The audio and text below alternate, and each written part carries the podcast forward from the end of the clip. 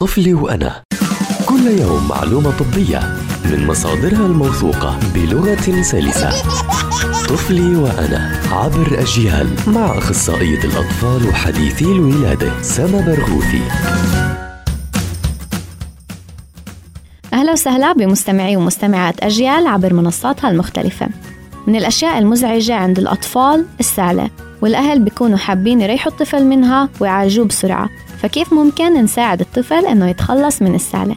السعلة عادة بيكون سببها فيروسي بهاي الحالة مهم نحكي أول معلومة إنه ممنوع نستخدم أدوية السعلة عند الأطفال تحت عمر ست سنوات لأنه بهذا العمر ممكن يكون إلها مضاعفات جانبية خطيرة على الطفل بالإضافة لأنها ما بتفيد في معالجة السعلة مثل ما بتعمل عند الكبار فبلا من هاي الأدوية طيب شو الطرق البديلة؟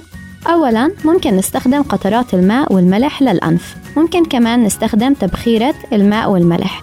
والسوائل الدافية يشربها الطفل. تحت عمر السنة بتقتصر السوائل الدافية على الحليب أكان الصناعي أو حليب الأم. وبعد عمر السنة ممكن نستخدم الأعشاب. بعد عمر السنة كمان ممكن نستخدم العسل. العسل مثبت علميا دواء فعال للسعلة بس ممنوع نستخدمه قبل عمر السنة. فممكن نعطي الطفل الأكبر من سنة معلقة أو نصف ملعقة عسل يوميا بساعد الطفل على إنه ينام منيح وما تزعج السعلة أثناء الليل.